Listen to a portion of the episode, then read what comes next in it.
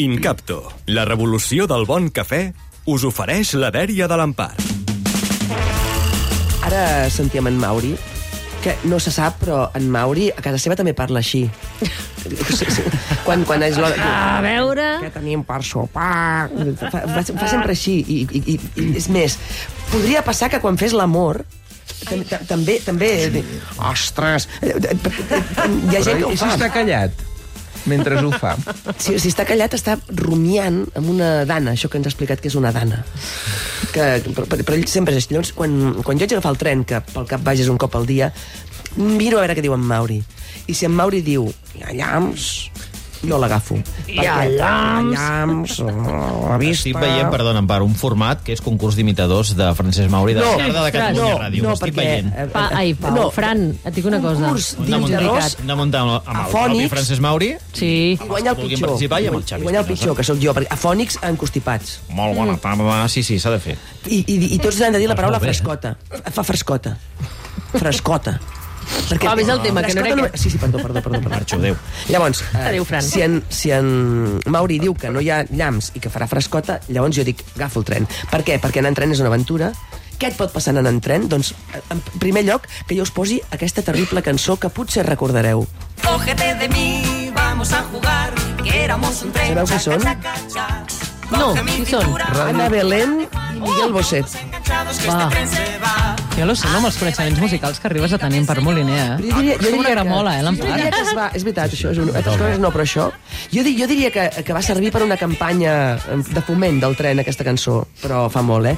Encara que sembli mentida, en un tren català, la cosa més forta que et pot passar no és que, com a la pel·li de Hitchcock, algú et proposi d'intercanviar un assassinat. No.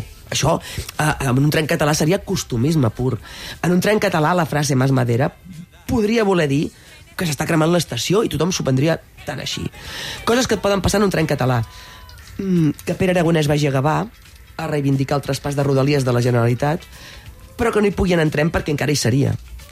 Que sigui notícia el dia del tren arriba a l'hora. Que s'espatlli el tren i que algú es pensi una excusa molt bona, molt bona, per expulsar-se l'espatllada. Que l'excusa molt bona sigui que és que ha caigut un llamp. O sigui, és d'ells. Que un cop tothom sàpiga que això del llamp no cola, i més amb la sequera que hi ha, el dia següent va i es cremi una catenària, que és aquesta paraula que no sabem què vol dir.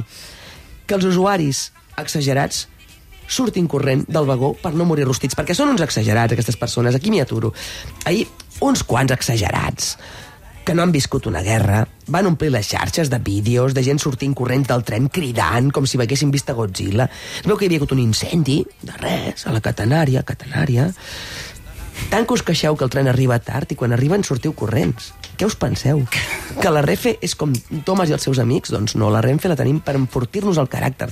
Tu vas a la Renfe, puges i quan, quan ets gran mm, no et fa por eh, pujar a Montserrat. No fa por res. ni Dutxar-te amb aigua freda. Eh, per cert, eh, m'ha agradat molt que la Carot eh, ha dit que va haver un espatec a la catenària. I per què? Per què? Perquè eh, on va passar això? A quina ciutat? És veritat, a Manlleu. A Manlleu. és que és evident. És la plana de Vic, ha de, ha de ser una Ara espategada. el, el senyor del, del, del foc dirà no, és que és un, era un fuet, era un fuet, era un petit.